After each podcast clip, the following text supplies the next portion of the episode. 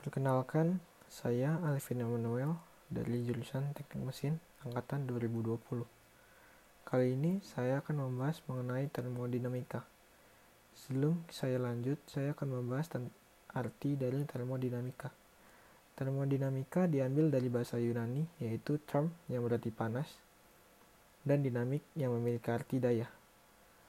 Dari situ kita bisa simpulkan termodinamika ialah perubahan panas yang menjadi daya atau energi. Di termodinamika sendiri terdapat tiga hukum yang berlaku, yakni yang pertama adalah hukum yang pertama termodinamika. Hukum pertama termodinamika menjelaskan tentang hukum kekekalan energi. Hukum termodinamika pertama juga memiliki bunyi, yakni energi tidak dapat diciptakan dan dimusnahkan, tetapi dapat dikonversi dari suatu bentuk ke bentuk yang lain. Selanjutnya ada hukum kedua termodinamika.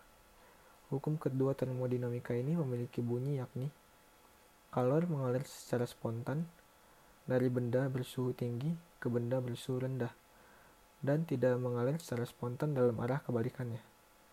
Dan yang terakhir, yang ketiga ialah hukum ke nol termodinamika yang memiliki bunyi jika dua sistem berada dalam kesetimbangan termal dengan sistem ketiga, maka mereka berada dalam kesetimbangan termal satu sama lain. Selanjutnya, saya akan membahas tentang sistem, surrounding, dan boundary. Ketiga itu merupakan istilah penting yang terdapat di termodinamika. Yang pertama, saya akan menjelaskan sistem.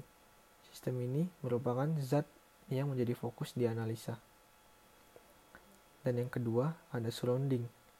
Surrounding ini berada di luar sistem. Dan yang ketiga, yang terakhir, boundary.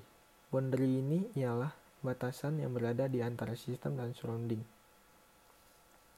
Di sistem, ternyata dibagi lagi menjadi beberapa, yakni yang pertama ialah closed system. Closed system ini tidak ada masa yang masuk dan tidak ada tidak ada juga masa yang keluar tetapi ada transfer energi yang bisa masuk dan keluar. Selanjutnya, ada open system. Di open system ini, masa bisa masuk dan keluar. Dan yang terakhir, yang ketiga, ada isolated system. Di isolated, isolated system ini jelas berbeda dengan closed system dan open system.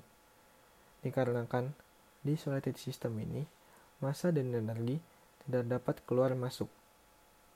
Sekian penjelasan dari saya. Terima kasih.